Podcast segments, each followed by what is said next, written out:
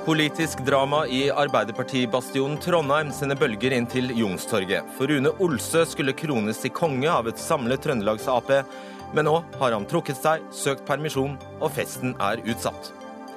Kommuneansatte i Oslo bør ikke få lov til å bruke hijab og andre religiøse, politiske og filosofiske symboler, sier Carl I. Hagen. Så da kan vel Sylvi Listhaug glemme å søke jobb i kommunen? I 27 år har Vegvesenet brutt loven. Men nå skal det settes opp hundrevis av skilt med stedsnavn på samisk langs veiene. Og ikke akkurat hjertelig stemning mellom Trump og Merkel da de møttes for første gang.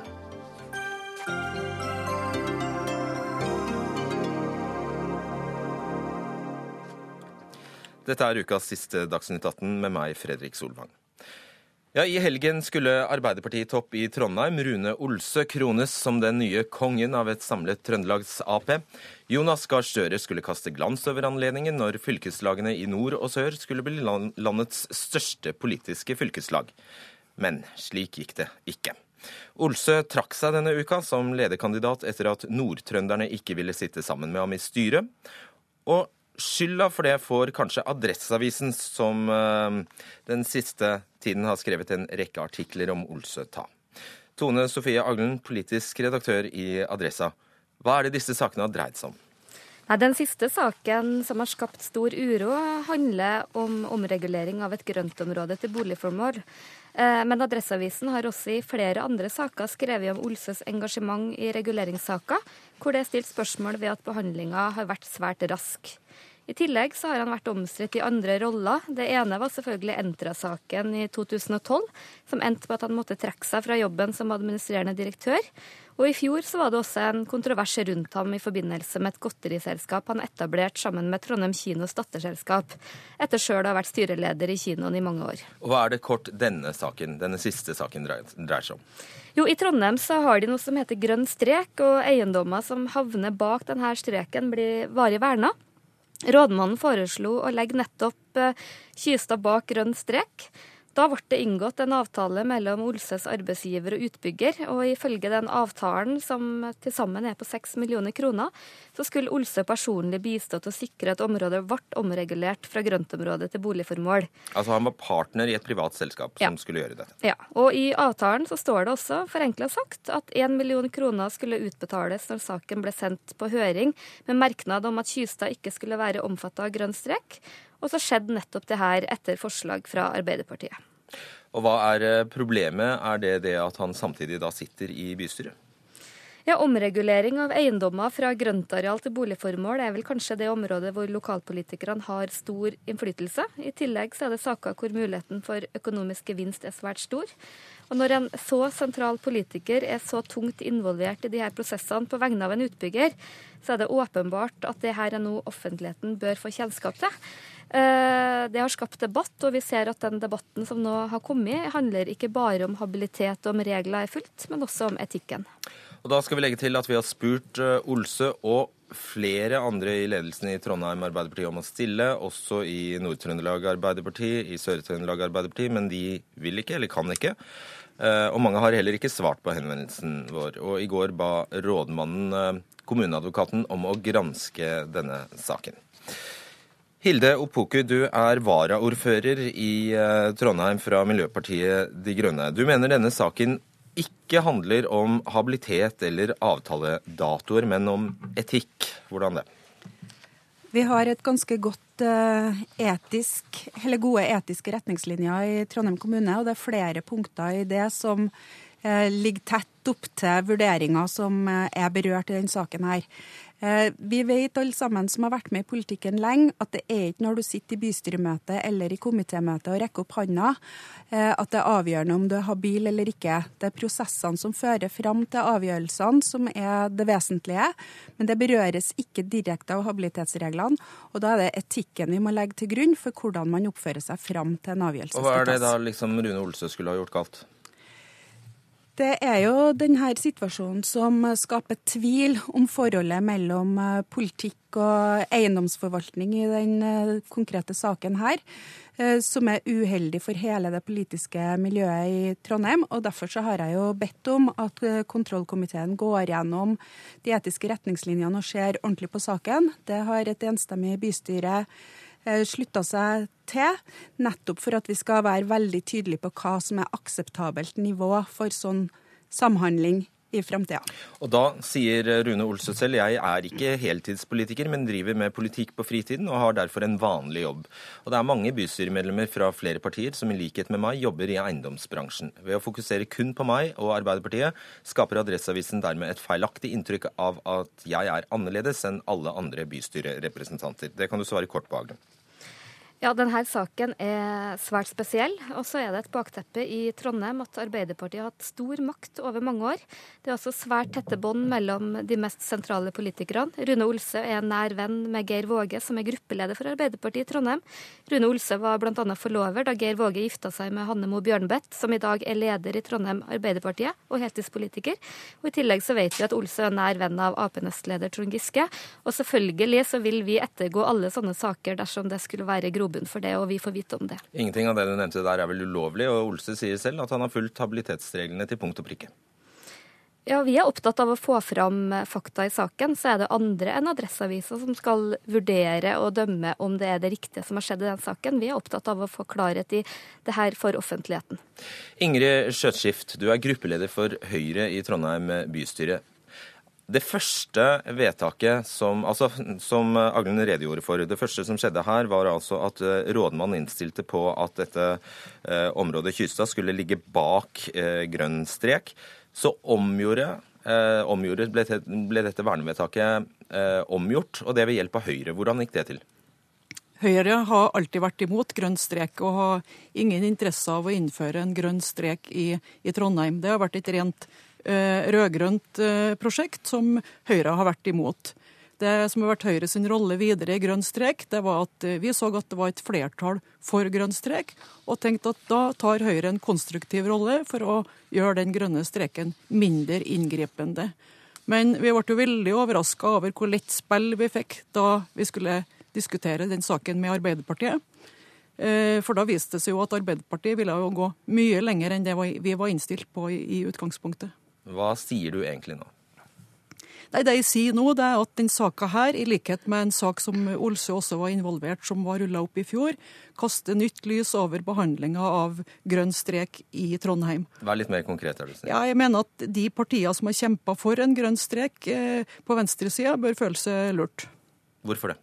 Ja, fordi Arbeiderpartiet tilsynelatende gikk med på, på, en politisk sak som de egentlig var imot, og de har, de har lurt sine samarbeidspartier. Da er jo du, i tilfelle du også lurt, da? Ja, eh, kanskje. Eh, jeg vet ikke helt eh, eh hvordan jeg skal framstille den, den, sammenhengen der. Men det som i hvert fall er tilfellet, det var at eh, det var opplysninger som ikke var fram i dagens lys, som ville ha fått betydning for behandlinga av den saka som har med Rune Olsøs involvering eh, bl.a. på den saka på Være som var fram i, i fjor. Ja, og da eh, snakker vi Opoku, om en eh, etter ditt syn uforståelig stor iver fra Arbeiderpartiet til å bygge ned grøntarealer over lengre tid? Ja, det har vært uh, underlig for oss all den tid at uh, rådmannen sine prognoser og prognoser ellers tilsier at vi ikke har behov for disse arealene her for å dekke boligbehovet framover. Det er jo en særlig viktig sak for eh, Miljøpartiet De Grønne å bevare matjorda vår, for det er jo det vi snakker om her. Så dette her har vært en av de konfliktsakene vi har hatt i samarbeidet, og hvor vi i forrige periode på den saken her gikk eh, til brudd sammen med Senterpartiet og KrF, fordi vi ikke kom til enighet om bevaring av matjord. Men du er jo varaordfører, så hva gjør du nå? Eh, vi er opptatt av at vi nå må komme til bunns i hva som egentlig har foregått her. Det er et ansvar jeg føler er veldig tungt nå for byen vår. At vi får eh, rydda opp i den situasjonen her. Eh, du refererte jo til uttalelser fra Olse som skaper tvil om også andre politikere. Og hvis det er tilfellet det han sier, så må vi også få det på bordet. For vi kan faktisk ikke leve med en situasjon hvor det er så mye mistanke, mistanke mot politikerne våre. Agnen, en ting er at Rune Olse altså har meldt seg inhabil i alle disse sakene, og etter eget sigende har fulgt eh, bestemmelsene til punkt og prikke. En annen sak er jo at han også benekter at eh, disse pengene som skal, han skal ha fått for jobben, eller at, han, at, dere feil, at, dere har beskrevet hvilken jobb han faktisk skulle gjøre, helt feil? Ja, Det er uttalelser som får stå for Olsøs regning. Vi har nå vist fram eh, både avtalen, vi har fått bekrefta utbetalingene som har funnet sted. Og vi har på en måte lagt fram eh, alle sider av denne saken, som viser at det er en veldig spesiell avtale som er blitt gjort. Det er en avtale som ordfører Rita Ottevik omtalt som noe svineri.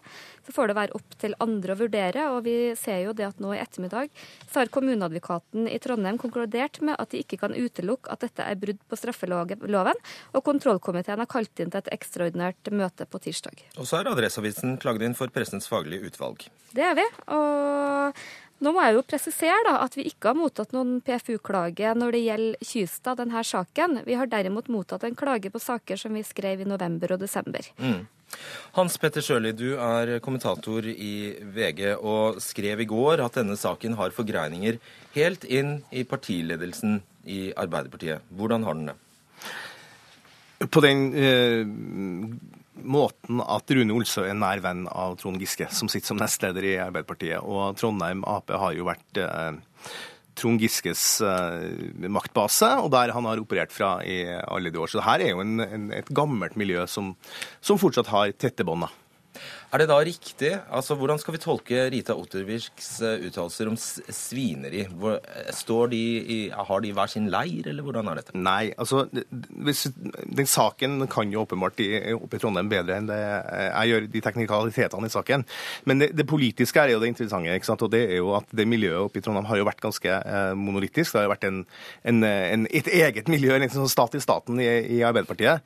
Eh, og, og, når det blir sånn at eh, det begynner å sprekke opp det miljøet der oppe, så, så har Arbeiderpartiet et stor, eh, kjempestort problem. fordi eh, For dem er jo eh, både Trondheim og hele Trøndelag nærmest som et sånt heartland. Det er et av de viktigste områdene i landet. og Hvis, hvis, de for, hvis, de begynner å få virkelig store politiske problemer der oppe, så kan det også føre til at de får trøbbel på, på riksplan. Et stort utstillingsvindu for Arbeiderpartiet? Åpenbart et stort utstillingsvindu som har, som har vart siden 2003. da.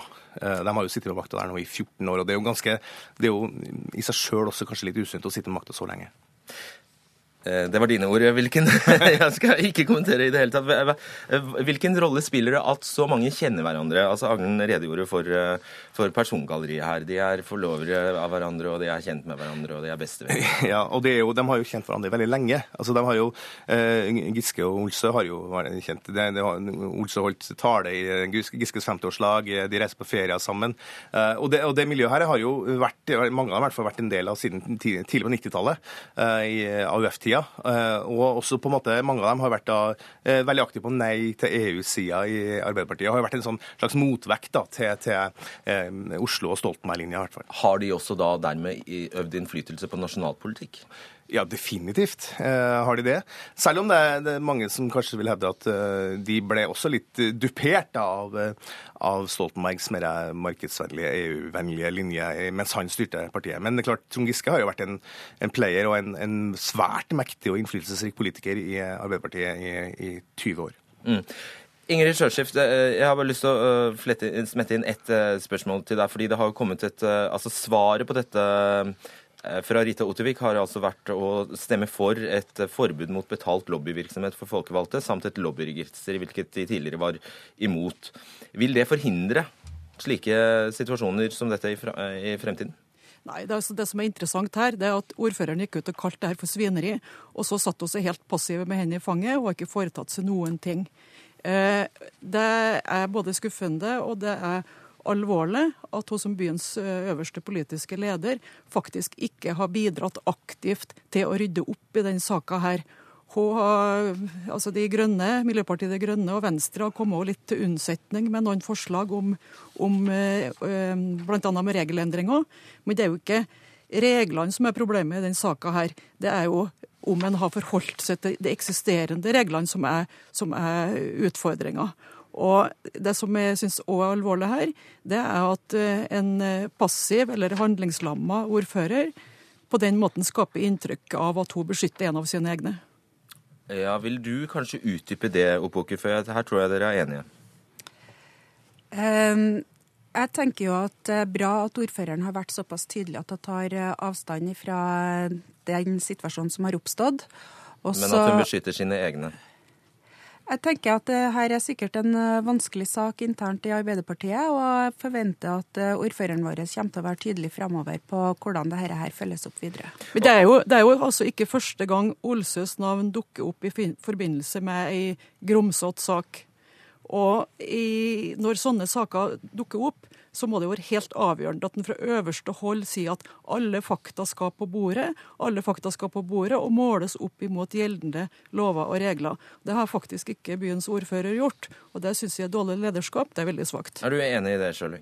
Ja, altså, det som jo er, mange har reagert på, som jeg har snakka med da, i, i, Trøndelag, er jo at Rune Olse, eh, som jo beskrives også som en veldig dyktig politiker, for all del, men han har vært inne i så mye merkelige saker som gjør at mange spør seg hvorfor i all verden får han stadig nye eh, verv. da, Han er jo leder av Sør-Trøndelag Arbeiderparti, og skulle da bli den nye lederen i det samla Trøndelag Arbeiderparti. Eh, og mange spør seg da liksom, har, hvorfor holder Trond Giske sin hånd over den, på en måte? For det er jo som sagt Giske som er fortsatt en slags gudfar i det miljøet her. Og jeg tenker Når Rita Ottervik går og kaller det svineri, så er det jo ikke bare for å på en måte passe på sine egne, men det er også et ganske sterkt signal til at, som viser at det begynner å bli ganske store splittelser også i eh, det tidligere ganske monolittiske Trondheim Ap-miljøet. Ja, men samtidig så gjorde hun altså ingenting. Hun brukte ordet svineri, men handla ikke. Sa tvert imot at hun ikke kom til å foreta seg noe, men skyva saka over til gruppeleder Geir Våge og leder i Trondheim Arbeiderparti, Hanne Moe Bjørnbeth. Men nå er vel ikke saken over, Tone Sofie Aglen, helt uh, ennå. Bare et siste spørsmål til deg. Det er ingen, og det blir vel ingen utbygging på dette Kystad-området på Byåsen i Trondheim? Nei, Jeg tror nok at det er et område som uh, det vil sitte langt inn å få bygd ut nå. Og hva som har vært intensjonen, det vet vi jo ikke. Men eh, det er i hvert fall en veldig spesiell forløper til den situasjonen vi har kommet i. Ja, og dramaet fortsetter. Takk skal dere ha, Tone Sofie Aglen, Ingrid Skjøtskift, Hans Petter Sjøli og Hilde Opoke. Dagsnytt 18 alle hverdager kl 18.00 på NRK P2 og NRK2.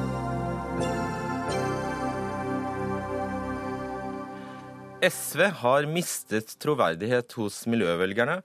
Og det er ikke så rart, når de stiller så slappe krav til Arbeiderpartiet, mener Miljøpartiet De Grønne. Det er eh, denne formuleringen i SVs forslag til nytt partiprogram som setter sinnene i kokos MDG. SV går mot utbygging av nye felt og nye konsesjonsrunder før man har avklart hvor stor del av det gjenværende karbonbudsjettet innenfor Parisavtalen som er Norges rettmessige andel. Rasmus Hansson, stortingsrepresentant for eh, MDG. Hva er det som er så ille med den setningen? Ja, Nå ville vi jo aller helst hatt denne oljedebatten med Høyre eller Ap, men det er ikke så lett å få i tale. så... Eh, vi vil gjerne ha den mellom dere. Vi eh, vil gjerne ta den med våre venner i SV, og vi frykter at eh, SVs formulering og krav til Ap er for uklare.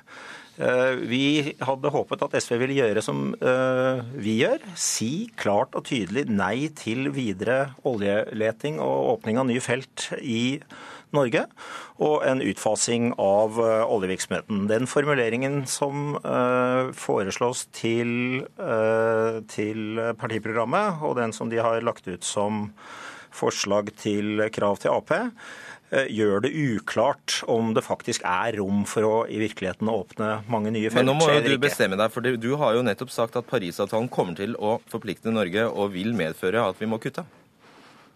Jeg har ikke nettopp sagt det, men Det har MDG sagt. MDG har definitivt sagt det, og derfor så har vi sagt nei til videre uh, oljeleting i Norge.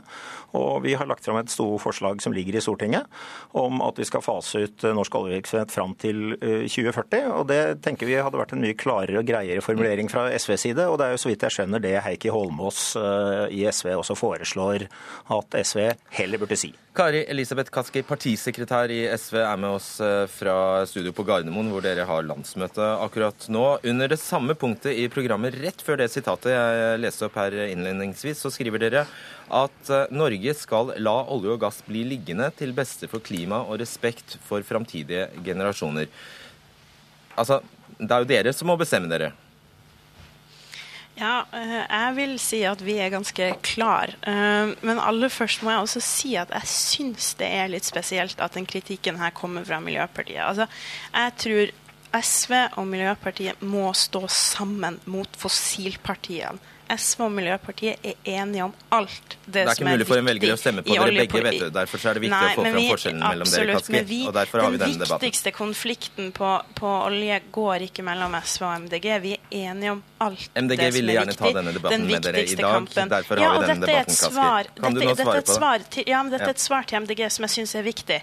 Fordi den viktigste konflikten går mellom eh, oss og fossilpartiene. Okay, nå har du sagt det. Så er vi tydelige på at vi må la olja ligge av hensyn til både klima og framtidens generasjoner.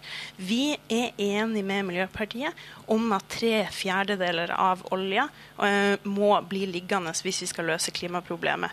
Så syns jeg jo at det er også og hvorfor spesielt da avvente Parisavtalen? Hvorfor da avvente Parisavtalen? Nei, altså Vi har jo f.eks. senest denne uka gått klart imot regjeringa sitt forslag om nye tildelinger til oljeindustrien. Det er vi enige om. Så har jo vi f.eks. i fjor fremma forslag sammen med Miljøpartiet om å få på plass en sånn type utredning for å, under, for å vise hva som er konsekvensen av klimaavtalen fra Paris eh, for norsk oljevirksomhet, og hvordan den avtalen, som regjeringspartiene har signert, okay. påvirker norsk oljevirksomhet. Yes, du svarer ikke helt på spørsmålet. Jo, men jeg syns det er litt spesielt at, at Miljøpartiet, som har vært med på å fremme det forslaget, det går imot oss. Ja, men jeg, spurte spurte egentlig hvorfor vente på Parisavtalen hvis du allerede har bestemt deg for at to tredjedeler må bli liggende. Uh, Rasmus jo, ja, Det kan jeg svare på. Ja. Mm. Jo, fordi at jeg tror det er viktig å synliggjøre for de andre fossilpartiene og den norske offentligheten hva konsekvensene av Parisavtalen faktisk er. Fordi vi vet at det er for store konsekvenser, men fossilpartiene, Arbeiderpartiet, Høyre og Fremskrittspartiet har ikke tatt okay. det inn over seg. Skjønte du noe av det, Rasmus Hansson? Ja, da, jeg skjønner uh, godt at uh, SV uh, nærmer seg Miljøpartiet De Grønne betydelig i denne saken, og det er vi veldig glad for. Men vi syns fortsatt ikke det er tydelig nok, og vi skjønner ikke helt hvorfor ikke SV kan være like klare som oss og si det som er konsekvensen av all klimakunnskap, nemlig at vi kan ikke åpne nye olje- og gassfelt i Norge, og vi behøver ikke å regne på eller lage rapporter om konsekvenser av Parisavtalen for å finne ut det. Det må nå være helt klart fra så mange partier som mulig, også de som er klare til å samarbeide med Arbeiderpartiet, sånn som SV her, at vi ikke kan åpne nye felt. Og det tenker jeg kan sies mye klarere. Mm. Oss, og det syns jeg SV hadde vært flott om SV gjorde. La oss teste det. Betyr, betyr det, Kaski, at SV mener vi ikke kan bygge ut noen nye felt? Ja, SV mener det, og det har vi også sagt denne uka når regjeringa la fram forslag om nye tildelinger i den såkalte 24. konsesjonsrunde. Det er vårt standpunkt. Det er også SV som gjennom samarbeid med Arbeiderpartiet i åtte år har berga Lofoten, Vesterålen og Senja.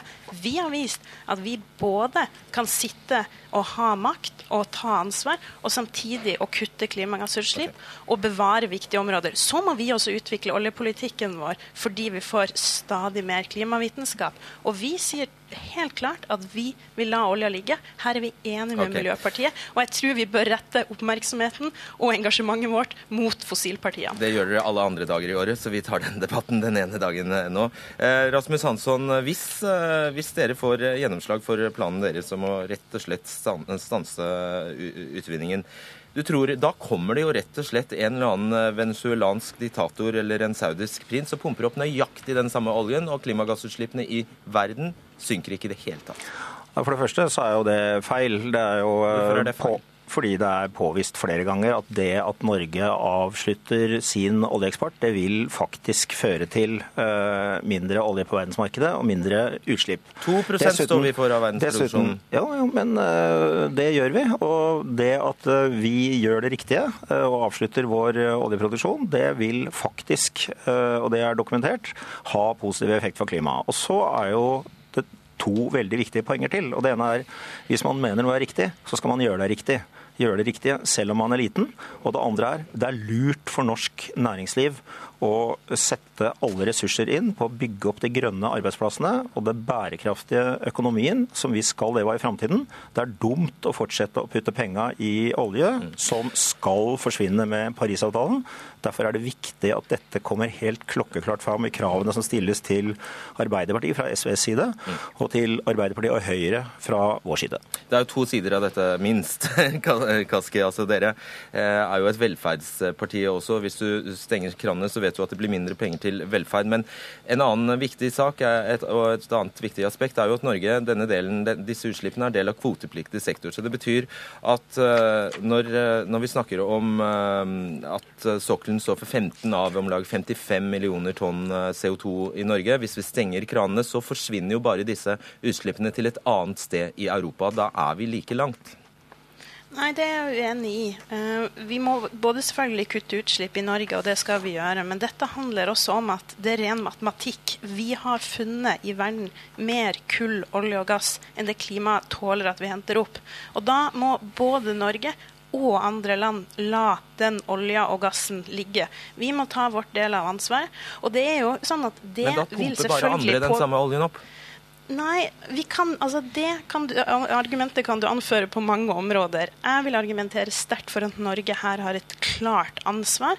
Både på å gå foran, fordi det er viktig for klimaet, og fordi jeg også tror det er viktig for velferdsstaten vår. Jeg tror det er uklokt at vi lukker øynene og ørene nå og later som om klimaendringene ikke skjer, og later som om ikke resten av verden forsøker å gjøre seg uavhengig av olje og gass. Okay. Og det, og det, og det uh, Norge må ta standpunkt til, det er skal den oljen og det karbonet som ligger under sjøbunnen i Norge, opp i atmosfæren og bli mer global oppvarming, eller skal det ikke? Det er faktisk enkel fysikk, og det er det standpunktet Miljøpartiet De Grønne er helt klokkeklare på. Eh, og som vi må få med oss alle de andre norske partiene på så fort som mulig. Right. Takk for at dere tok den debatten. Dere later som eh, dere ikke vil ta. Lars Nehru Sand, politisk kommentator i eh, NRK, er også på Gardermoen og har fulgt den første dagen av SVs landsmøte i 2017. Altså, Kommer SV til å være hardere med Arbeiderpartiet dersom de går inn i regjering på samme måte som forrige gang? Ja, De kommer til å stille hardere krav enn de gjorde i, i 2005. Og vi merker også en, en hardere retorikk, hvor de helt bevisst ønsker å fremstå som kanskje mindre pragmatiske enn de var i, i uh, forrige runde, da, i, i 2005. Eh, men samtidig så er det verdt å legge merke til at selv om de stiller tøffere krav, så er de opptatt av at det ikke skal være urealistiske krav, nettopp fordi de eh, ønsker eh, regjeringsmakt og er, er vel så åpne på det som de var i 2005. Eh, og det er også verdt å legge merke til at det kanskje går mindre eh, problemer, eller det, det er i hvert fall større tilslutning i partiet om at det er naturlig å søke makt selv for, eh, for et fløyparti på venstresiden. Og denne pragmatismen er den saken vi nettopp har snakket om nå, et utslag av den? Ja, f.eks. Men, men samtidig så er det eh, viktig for SV å utnytte at det er et rom til venstre for Arbeiderpartiet, og at de skal være det partiet som eh, i større grad enn Rødt, har sett med SV-øyne, eh, fyller det rommet med en, en, politikk som både viser en tydelig forskjell fra Arbeiderpartiet, eh, men ikke så stor at ikke Arbeiderpartiet kan forhandle og finne frem til felles løsninger med, med SV. Mm. Så SV har jo stilt fire tydelige krav. Hva er de mest kontroversielle av dem? Det mest kontroversielle er kanskje at det ikke er et femte punkt, i hvert fall hvis man spør internt i, i partiet. Eh, SV ønsker da å øke barnetrygden, de ønsker en lærernorm, eh, de ønsker eh, profittfri velferd, og de ønsker som kjent å frede Lofoten og Vesterålen for oljeutvinning. Men det mange har tatt til orde for i salen i dag, er at det ikke er noen av disse som har et internasjonalt aspekt over seg, noe som jo er selve DNA-et til, til, SV og, og bakgrunnen for at partiet ble stiftet i sin tid. og Derfor så er det mange som nå tar til orde for at man lager et punkt som tar inn i seg eh, at SV ønsker et eh, atomvåpenforbud, og får med seg eh, Arbeiderpartiet på det. Dersom SV-ledelsen da må godta et femte punkt på listen, eller å bytte ut et av de fire, eh, så er man jo avhengig av at man Eh, klarer også på atomvåpenpolitikken å finne en formulering som kan tenkes å bli spiselig, om ikke det er det nå, for Arbeiderpartiet. Og det er helt klart et, vil i så fall være et, et viktig og krevende politisk håndverksoppgave for SVs ledelse i løpet av helgen. Og der vet vi altså at Arbeiderpartiet har sagt at de bryter ikke ut av Nato-folden og vil ikke godta noe ensidig nei til atomvåpen. Bare et siste spørsmål på tampen, Lars. De virker jo veldig optimistiske i SV, og Audun Lysbakken har sagt at han leder et parti i medgang. Har de egentlig grunn til det? Ikke hvis man ser blindt på, på meningsmålingene. Eh, SV er ikke garantert å komme over sperregrensen hvis man leser tallene nå, selv om det er en, en viss eh, fremgang å spore mer enn det kanskje har vært. Men eh, partiet har en medlemsvekst. Og så tror jeg nok ikke man skal undervurdere hva det har å si for SV at det er en, en avstand i tid fra, eh, fra, regjeringsprosjektet de gikk ut av og, og, og tapte da i, i, 2013. De har litt mer selvtillit på at det nå er, er litt mer rom til å finne finne seg selv og være seg selv. Fått litt større avstand fra og armslag eh, ved siden av Arbeiderpartiet. Og det er klart at det gjør godt ved inngangen til, eh, til en ny valgkamp, hvor SV i større grad kan snakke om primærstandpunkter og, og trenger, nei, slipper å bli, bli, målt ved siden av eh, Arbeiderpartiet. Takk skal du ha, Lars Nehru Sand.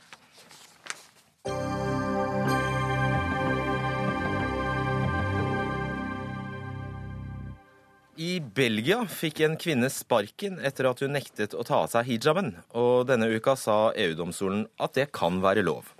Det er ikke direkte diskriminering å ha en intern regel som forbyr bæring av et politisk, filosofisk eller religiøst symbol, mener domstolen, skriver VG. Carl I. Hagen, du er bystyremedlem i Oslo Fremskrittsparti. Og etter at dette da ble avklart, så du, har du foreslått at dette også bør gjelde kommunalt ansatte i Oslo kommune. Så, ja, det, det, med andre, ja, unnskyld, jeg skal bare fullføre spørsmålet. Ja. så, så den, eh, altså, eh, Kvinner skal altså, hvis de har på seg hijab i en kommunal jobb, måtte ta den av. Ja, det er helt korrekt. Hvorfor det? Jeg syns at en kommune som har så mange forskjellige som mottar tjenester, og bruker kommunens eh, tjenester, barnehagetjenester, eldreomsorgstjenester, skoletjenester, skal møte en eh, nøytral kommune som ikke er verken politisk, partipolitisk eller politisk eller er eh, religiøs, altså skal være symbolfritt. Det har vært en del eldre i Oslo som har reagert på at det kommer hjemmehjelpere som har politiske eller religiøse symboler. Som regel har det vært klaget på, på hijab. Dette skal være et prinsipielt standpunkt at vi skal ikke ha politiske symboler, filosofiske eller religiøse symboler. Man må kunne ta av seg og være nøytrale i, i disse tre områdene når man er på jobb i Oslo kommune. Ålreit, da kan ikke Sylvi Listhaug få seg jobb i Oslo kommune hvis hun bærer smykket sitt? Nei, helt riktig. Hvis hun eh, insisterte på å bære et stort eh, kors, så kan hun ikke få da jobb. Men jeg er sikker på at Sylvi Listhaug og de fleste andre ville sagt OK, da bruker vi ikke det når vi er i en arbeidssituasjon. For da er vi eh, representant for vår arbeidsgiver, Oslo kommune bør være nøytral når det gjelder å bære politiske, filosofiske og religiøse symboler. Kan du ta av deg hijaben, Fatima al-Musawi, samfunnsdebattant og student, så enkelt som Hagen uh, sier? Hvis jeg vil, så kan jeg det, men det er jo ikke noe jeg ønsker. Det handler jo om min religionsfrihet og selvbestemmelsesrett. Det å kunne bære hijaben hvis jeg ønsker, når jeg ønsker det. Så hvis du måtte det for å få deg en jobb? Det, det, det er ikke noe som jeg ser for meg en gang kommer til å være et uh, et tema engang. Uh, I et land som liksom skal ha både ytrings- og religionsfrihet, der vi skal få lov til å bestemme hvordan vi skal gå kledd, hvordan vi skal ytre oss.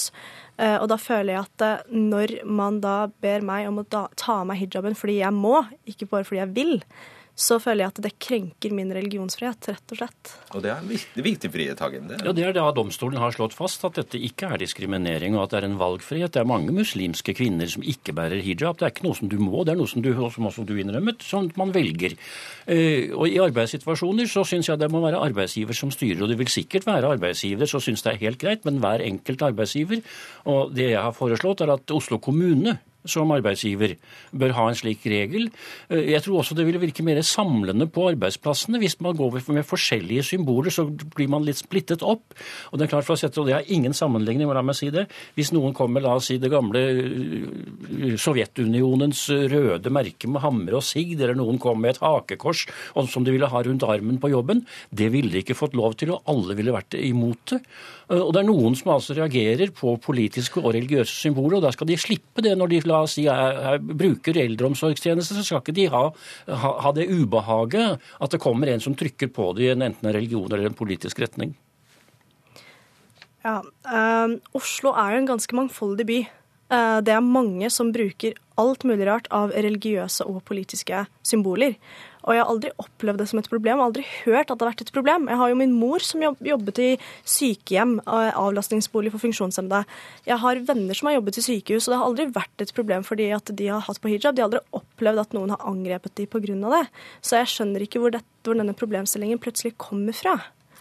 Nei, altså, en del av de ringer, ringer til sånne som meg og klager. Og så sier jeg men da må du klage og si fra til de som organiserer hjemmetjenesten. Og det tør vi ikke. Nei, det tør vi ikke. Da blir vi kalt rasister, og da vi, okay. får vi beskjed om at vi mister tjenestene. Så det er nok kanskje en del som føler et, et ubehag. Men eh, jeg syns at no, kommunen burde være nøytral. Ja. Inga Marte Torkelsen, du er helsebyråd i Oslo for SV og er med oss fra Gardermoen, der det som eh, nevnt er, er landsmøte. Kan du forstå det, at dette er et eh, problem kanskje for eldre som føler føler at de trenger ikke de vil, de, vil ikke, de vil ikke ha noe pleie fra noen som går med hijab? Det jeg har hørt eh, kan være et problem, det er eh, selvfølgelig norskkunnskaper. Eh, det som også kan være et problem, er hvis du får inn en mann til å stelle deg når du er kvinne, eller omvendt. Det har jeg hørt har blitt tatt opp som problem. Hijab i seg sjøl har jeg ikke hørt har vært et problem. Kanskje det ikke ringer til deg, da? Som vi har, det er eh, at vi har mangel på hele faste stillinger, og at vi har for dårlig lønn i mange av disse yrkene. Som gjør at det ikke blir attraktivt nok for nok folk. Det er et problem. Ja, men det skal vi ikke snakke om nå, Inga Marte. Det, jeg, jeg, skal være tro til, tro ja, til temaet. Men det som jeg er opptatt av, det er at jeg syns det er respektløst fra Hagen Eh, overfor de kvinnene som står på hver eneste dag for at våre eldre skal være trygge, for at rusavhengige skal få håp om et nytt liv, for at syke folk som oppsøker legevakta, skal bli best mulig ivaretatt. Jeg syns at Hagen burde heie på dem og si takk skal dere ha for at dere gjør den jobben. Eh, og jeg syns også at det er respektløst overfor alle de damene som vi har sagt vi er opptatt av å få ut i arbeid. Både Hagen og jeg er opptatt av det, at kvinner skal ut i jobb. Eh, også kvinner som bruker hijab. Men når de da kommer ut i jobb, så skal vi si nei takk, dere er ikke bra nok likevel. Dere skal tilbake. Det er en klassisk hersketeknikk. Damn if you do, and damn if you don't. Hagen, De havner jo på Nav, da. Det er jo alternativet. og det vil nei, kanskje ikke. Nei, det er det ikke. fordi Hvis man er i stand til å, å, jobbe, så skal man jobbe. og Da må man rette seg etter de krav som foreligger. og Hvis man får pålegg fra Nav om å ta en jobb hvor man ikke kan bruke hijab, men ellers kan få jobben, så må man gjøre det. Ellers så får man ikke noe penger. Og jeg, Det er ikke respektløst. Det er mange kvinner som gjør en utmerket jobb. men litt forskjellen mellom Inga Marte Torkelsen og meg, det er at jeg er først og fremst opptatt av de som bruker de offentlige tjenestene. Av pasientene, de som mottar hjemmehjelp, de som sender sine barn i barnehage, og de som går på skoler. Hun er mest opptatt av de ansattes interesser. Men det er vel ikke alle eldre heller, Hagen, som reagerer? Nei, det er aldeles ikke alle eldre som reagerer.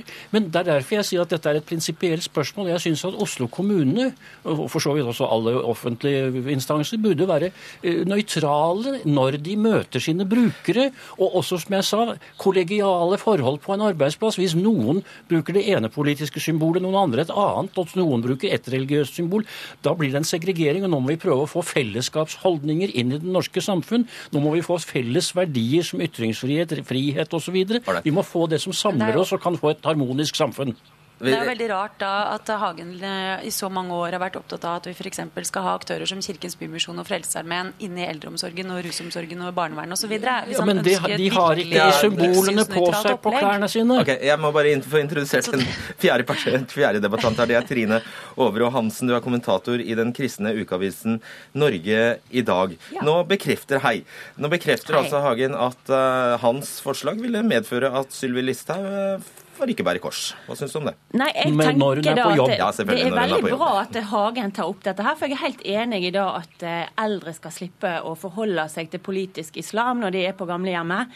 Så det, det er helt klart at en uniform den må være nøytral, sånn at det, eh, at identiteten til den som er på jobb, det er først og fremst arbeidsgiveren, kommunen, arbeidsplassen, og ikke politisk islam. Så det støtter jeg Hagen 100 i. Og da aksepterer du at korset også ryker? Nei, fordi at det som Hagen gjør, han maler seg inn i et hjørne med å si at alt skal være nøytralt. Men problemet med det, det er at det finnes ikke noe som er helt nøytralt. Og vi må huske på det at landet vårt, Norges land, har vært bygd på kristne verdier i 1000 år. Og det er de verdiene som har gitt oss den friheten, som har gitt oss alle de frihetsverdiene som vi er så glad i. Og det er det som gjør at eh, folk flykter til dette landet for å slippe unna eh, undertrykking, for å slippe unna tvang og unødvendige regler. Og Da tenker jeg at de stakkars damene da, som kommer hit, de må slippe å være under de samme undertrykkende reglene som vi finner i de islamske land. Og jeg syns det er helt absurd å høre Inger Marte Torkelsen, som jeg vil tenke er opptatt av kvinners rettigheter, at hun hun vil være med og bidra til undertrykking av islamske kvinner. Ok, Mosavi, Al-Mosavi. Ja, skal, straks, Jeg skal bare stille et spørsmål til Al-Mosavi. Altså, det, det Hansen sier her, er jo det vi ofte hører, at hijaben er et uttrykk for kvinneundertrykkelse. Det er jeg rett og slett ikke enig i. Uh, og for å sitere Sumaya Ali, som skrev uh, et veldig fint innlegg i Aftenposten. Uh, hvem er det som har definisjonsmakten over hva slags plagg hijab egentlig er? er det jeg, en muslimsk kvinne som daglig bærer hijab, eller er det diverse aktører som, aktiv som avskriver hijabens religiøse betydning for å legitimere sine avskyelige diskriminerende, diskriminerende holdninger? Og det er jeg veldig enig i. Altså, det er jo vi som har definisjonsmakten, vi muslimer. Og det, vi ser jo ikke på dette som et politisk plagg, vi ser på dette som, et, som en religiøs plagg. Og det har aldri vært et problem for noen arbeidsgivere som jeg har arbeidet hos, at jeg har på det plagget. Jeg har jobbet på Tusenfryd i fire år, en herlig arbeidsplass. Jeg har jobbet på Rimi. Jeg, har, jeg jobber nå hos Kirkelig dialogsenter. Ingen har problemer med at hijaben er på plass. Det, Hansen, du, kan du virkelig bestemme at hijaben og alle hijaber er et politisk uh, uttrykk? Altså, eh, etter så vidt jeg, Nå er ikke jeg ekspert på islam, men etter så vidt jeg kjenner til, så er det ikke noe påbud i Koranen at de skal gå med hijab. og, og Derfor så blir det veldig oppfatta som et politisk symbol i tillegg. og Dessuten så tenker jeg at akkurat i en arbeidssituasjon så kan de legge den vekk og, og representere kommunen. Og jeg mener som sagt at eh, de eldre skal slippe å forholde seg til dette. Dette er noe fremmed, noe ukjent. Og de, de skal være trygge i eh, en omsorgssituasjon. La meg stille deg et enkelt spørsmål. Eh, er det et problem for deg hvis du møter en i kassa på matbutikken som har på seg hijab? Nei, så jeg tenker at En privat aktør kan jo selv velge hvordan de forholder seg til sine ansatte. Jeg mener at Det må være opp til den private aktøren å velge selv. Inger Marte Torkelsen, eh, altså SV har jo holdt den sekulære fanen høyt i alle år. Eh, ser du at det kan være et paradoks at du nå skal forsvare at uh, samfunnsrommet da blir fylt med, eller stadig mer preget av religiøse symboler? Ja, Vi ønsker jo absolutt at vi skal ha en debatt om eh, hva som skal være sekulære rom, og hvor langt skal eh, religionsfriheten gå versus andre friheter og sånn. Det er viktige debatter å ta. Men eh, jeg kan ikke forstå annet enn at vi må være veldig fornøyde med at mange kvinner med hijab har gått ut i arbeid. Det ønsker jeg å feire. Eh, og så må jeg også si at eh, vi, hadde, vi har jo Amina Abile, som er en av de skamløse jentene som nettopp fikk Fritt Ords pris her om dagen. Eh, hun er på landsmøtet vårt. Og jeg spurte hva tenker du om dette. Altså, de er jo veldig opptatt av å ta denne kampen da, og unngå den undertrykkinga som også blir løfta fram i denne debatten, som jo er litt sånn sammensausa med argumenter. Men så sier hun at men du tar jo ikke vekk den sosiale kontrollen, selv om du tar vekk hijaben. Du tar kanskje vekk noe som liksom for oss virker som et synlig symbol, men du kan like gjerne bidra til at du skyver folk ut i mørket, og at du får et utenforskap og en radikalisering også, som vi ikke ønsker. Så det er noe med at det blir så hysterisk. Kan vi ikke ta det litt med ro? Vi trenger ikke å gjøre problemer ut av noe som ikke er et problem. Tenk deg det sinnet du hadde skapt. Nei, det tror jeg ikke. Jeg, og jeg har en klar melding til dette med radikalisering. Vi må være mer opptatt av dette landet om felles, det som er felles, det som skal være felles, og felles verdigrunnlag. F.eks. respekt for ytringsfrihet, individets frihet, organisasjonsfrihet, likestilling. Ja, men er det bare du som skal bestemme hva den eh, fellesskapet skal bestå av? Nei, men jeg sier at det, nå er det en tendens til mer og mer segregering. Vi ser det i Oslo med bosetting, vi ser det på ulike skoler, hvor det er noen skoler hvor det er nesten bare innvandrerelever. Og jeg er helt enig i at voksne kvinner må selv få lov til å velge om de vil bære hijab. Jeg er helt enig i det. Men jeg syns ikke at barn opp til 18-årsalderen skal få lov til å gå på skole med hijab, for da er det ikke de selv Nei, som har bestemt. Da er det foreldrene som har bestemt, og det er barneundertrykking, for å bruke et grovt uttrykk. Ser du noen vi må jo, vi må jo hegne om altså jeg, jeg mener mener virkelig det er veldig viktig hvordan vi møter folk i Oslo. Heldigvis så er Hagen marginal i Oslo fordi folk vokser opp med mangfold og ser at verden er ikke så forenkla som det Frp vil ha det til. Folk er forskjellige. Folk som bruker hijab er forskjellige. Eh, folk som da ikke bruker det, men som er, eh, kan ha Folk kan jo være religiøse for det eller ha holdninger for det. Vi må jo eh, framelske holdningene som vi ønsker i det norske arbeidslivet. For eksempel så mener jo jeg at det er viktigere om en kvinne har hijab, så er det viktigere at hun er et varmt, engasjert og kompetent menneske enn hva hun har på huet. Og det er der vi må ha debatten. Og det opplever jeg også at eldre mennesker i Oslo sier til meg.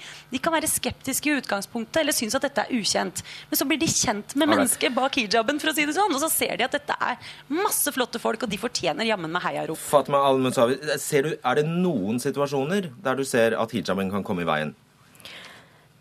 Jeg har jo blitt spurt en del spørsmål, altså fått liksom på en måte sånne problemstillinger før, hvor f.eks.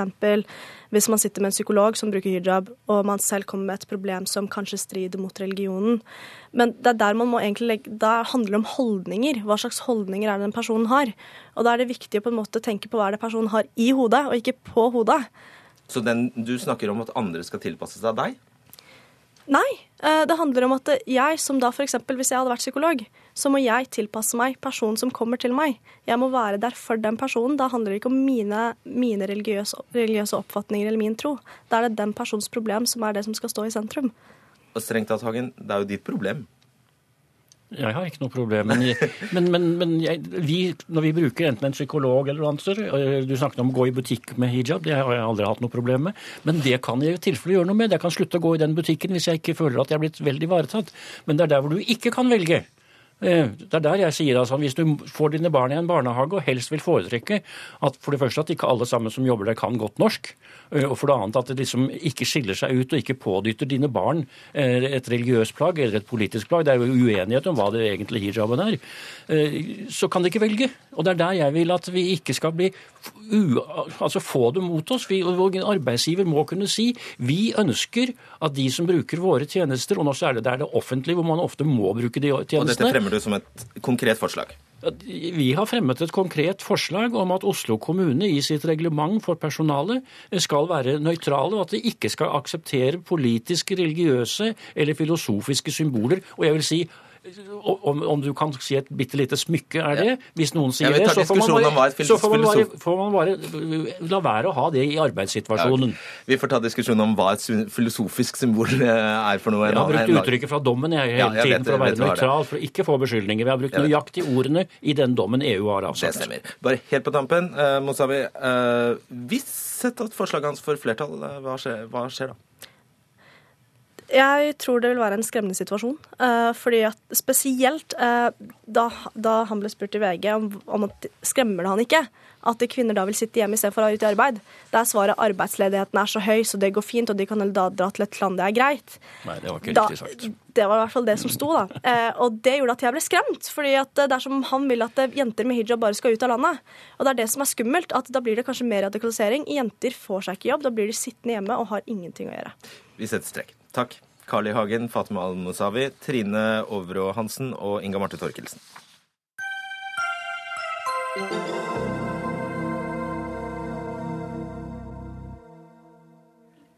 Etter 27 år med feiltolkning av lovverket slår Statens vegvesen fast at veiskiltene skal ha samiske stedsnavn. Og dermed er det ikke lenger opp til kommunene å avgjøre om det skal skiltes på samisk i kommunen.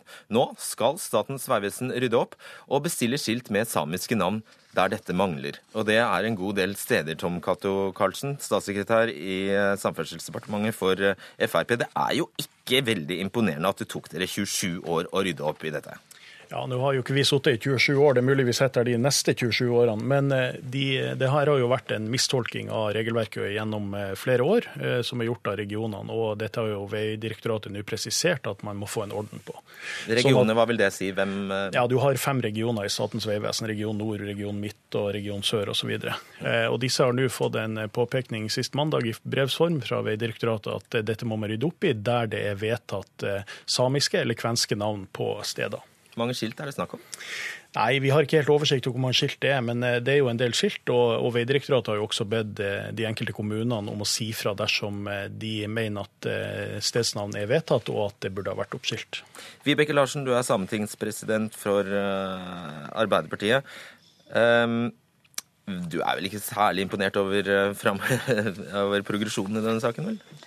Nei, det kan jeg vel ikke si. Vi kan ikke være stolt av 27 års kamp mot eh, Vegvesenet. Eh, vi har jo påpekt det i flere omganger over flere år. Jeg er veldig glad at statssekretæren er så tydelig på at det her skal ryddes opp i, og at vi nå skal få opp samiske veiskilt der det er naturlig, der det finnes samiske navn, stedsnavn. Men det kan jo ikke ha vært en særlig prioritert oppgave for Sametinget heller, da, hvis det har vært sånn i 27 år? Jo da, den har vært tatt opp eh, på, i flere omganger med flere departement. og Det er også flere eh, statssekretærer som har påpekt det tidligere til Vegvesenet. Men det er bra at det kommer nå, da, at Vegdirektoratet har tatt tak i det. Hva betyr det at det skal settes opp der det er naturlig? Nei, Der det finnes eh, samiske navn. Eh, det er ikke alle plassene vi har samiske stedsnavn, men der det eksisterer samiske stedsnavn og de er i bruk, der er det naturlig at man har skilt på samisk. Hvorfor er det viktig? Nei, for Det handler om at man får synliggjort eh, den samiske tilstedeværelsen, den samiske historien. Det øker også statusen på samiske språket, ettersom samisk språk er et likeverdig språk i Norge med norsk. Og ikke minst så handler det om den samiske identiteten. Det å ikke ha noe synlig samisk eh, i det offentlige rom, det forteller også noe om at din identitet kanskje ikke er så veldig ønska. Er du enig i alt dette, Karlsen? Ja, så Jeg skjønner jo at det er et ønske fra Sametinget om å få opp skilt der det er vedtatte navn, og der disse navnene brukes. Og Så er det også en gang sånn at loven er eh, faktisk sånn at der det finnes eh, samiske navn, og dette er bestemt at det skal være, så er sier loven klart og tydelig at det skal skiltes også på samisk eller kvensk. Men da er det jo litt av altså da, Det er da det framstår helt merkelig at hvis loven er så tindrende klar, og det er den faktisk, så har det altså eh, bare ikke blitt gjort. Mm. Altså, Vegdirektoratet har jo beklaga at det har utvikla seg en praksis eh, der man har venta til kommunene har bedt om å få skilting, i stedet for at det skiltes uoppfordra. Eh, og Der har det jo lagt seg helt flat i saken, og eh, nå blir jo det gjort noe med dette. Eh, hva tror du dette kommer av, Vibeke Larsen? Hvordan har det blitt sånn?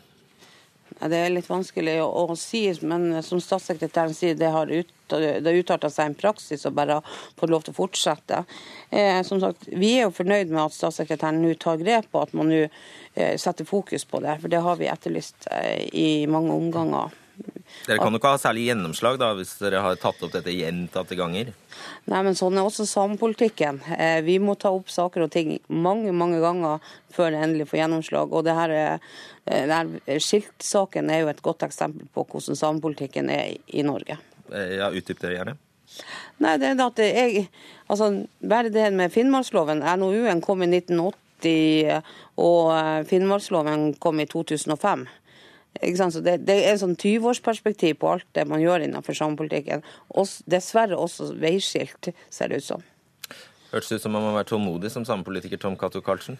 Nei, altså, jeg tror Hvis sametingspresidenten hadde tatt en telefon meg, til meg for to og et halvt år siden, så eh, skulle vi ha klart å rydde opp i det her så lenge lovverket er, er klart på dette. Og det er som sagt, det, Veidirektoratet har lagt seg flat, og nå rydder man opp i det. og Det syns jeg er en, en god ting. Du, Hva skal nå helt konkret skje? Eh, nå, har Vegdirektoratet som sagt eh, sendt eh, beskjed ut til Statens vegvesen i hele landet om at man skal følge opp lovverket sånn som det er tenkt, der man setter opp skilt så snart det er vedtatt at samiske navn skal brukes. Og Så vil regioner følge opp dette så fort som mulig med hensyn til å skilte de plassene som ikke er blitt skilta til nå. Er, en, er, er, du helt tilfreds nå? Er saken ved veis ende, Vibeke Larsen? Nei, Vi kommer selvfølgelig til å følge opp og passe på at de skiltene kommer opp, og at det er progresjon i saken. Vi forventer jo at de samiske skiltene sammen med de kvenske vil bli prioritert fremover. Kan jeg bare spørre helt praktisk, Hvordan ser de skiltene ut? Det står først et norsk navn, og så står det et samisk under, eller? Ja, Der man har både samisk og norsk og kvensk eh, stedsnavn, mm. så er det jo gjerne sånn det er. Sånn som I Porsanger har man flere plasser det står på tre språk. Og så er det andre plasser det savner, vi savner de samiske, og mange savner også kvenske skilt. Så vi har en jobb å gjøre. Blir det dyrt dette her, Karlsen?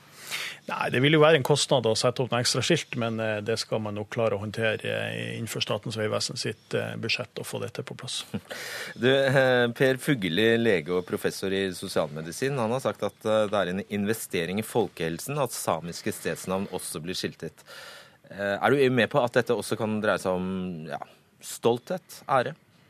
Ja, så nå har jeg også bakgrunn som lege, så akkurat eh, den timen der, den forelesninga om folkehelse i samiske navn, var ikke jeg til stede på. Men eh, det er nå sånn at dette har noe med identitet å gjøre, og har med kultur å gjøre. Og eh, da skjønner vi at det er viktig for Sametinget at man følger opp det lovverket som, som sier at disse skiltene skal på plass. Vet vi noe, Larsen, om hvor mange steder det er snakk om?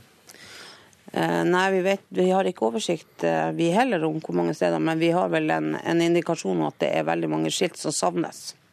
Ja, altså NRK.no skriver at eh, NRK i desember i fjor avdekket at det finnes minst 24 vedtatte lulesamiske stedsnavn som ikke brukes på værskilt, selv om stedet er skiltet på norsk. Bare to er skiltet, skrev, skrev NRK.no. Skriver NRK.no. Høres, høres det sannsynlig ut? Ja, det, det høres veldig sannsynlig ut. Mm. Eh, Karlsen, dette her at uh, denne saken dessverre er uh, symptomatisk for hvor, uh, hvordan det er å føre, eller hvordan samepolitikken her i landet fungerer. Hva vil du si til det? Nei, Det har ikke jeg noe inngående kjennskap til akkurat det. Men når det gjelder ak akkurat denne saken, så er regelverket tydelig, og, og Vegdirektoratet sier at dette skal man rydde opp i. og Det, det har vi stor tro til at det blir gjort, og at man får disse skiltene på plass. Og nå eh, gjør ikke dere noe mer i denne saken, Vibeke Larsen? Eller dere skal bare følge med? Ja, vi kommer til å følge med. Og så vet jeg jo nå at jeg kan ringe statssekretæren. ja, hvis jeg ikke, ikke syns det går fort nok. Nyttig, nyttig, kunnskap. Vet dere hva? Eh, det er sånn at Jeg føler jo definitivt at vi har kommet til veis ende i denne debatten, men jeg får også beskjed om at uh, siste deltaker i denne sendingen, som er Gro Holm, som skal være med oss for å snakke om uh, Angela Merkel og Donald Trump, har latt vente på seg. men så jeg hadde tenkt dere om å bare fortsette litt, men det slipper jeg nå, for nå får jeg beskjed om at nå er hun klar. Vet du hva? Tusen takk skal dere ha, Vibeke Larsen og Tom Cato Karlsen. Hør Dagsnytt 18 når du vil. Radio NRK Radio.nrk.no.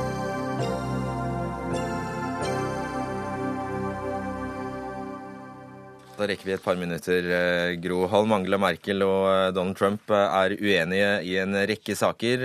Det kom fram da de møttes i Det hvite huset i dag, og det foregår en pressekonferanse nå.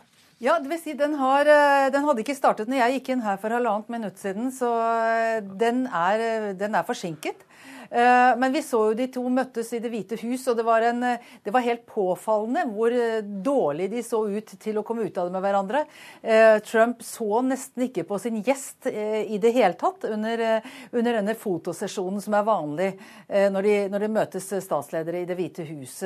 Vi får håpe at samtalene gikk noe bedre. De hadde jo bl.a. med seg industriledere fra Tyskland og diskuterte samarbeid om yrkesopplæring. Ja, altså toll, Tollavgiftene eh, er et tema. Trump har jo da foreslått å øke dem, eh, fordi Tyskland har et stort eh, handelsoverskudd overfor USA. Hvorfor er dette spørsmålet så viktig for Merkel? Det er viktig fordi at eksport av biler er noe til USA annet, er veldig viktig for uh, tysk industri. Uh, både direkte fra Tyskland, og de bygger nå, BMW bygger en fabrikk i Mexico for uh, produksjon av biler hovedsakelig til det amerikanske markedet. Trump har truet med å legge 20% ekstratoll på import fra Mexico.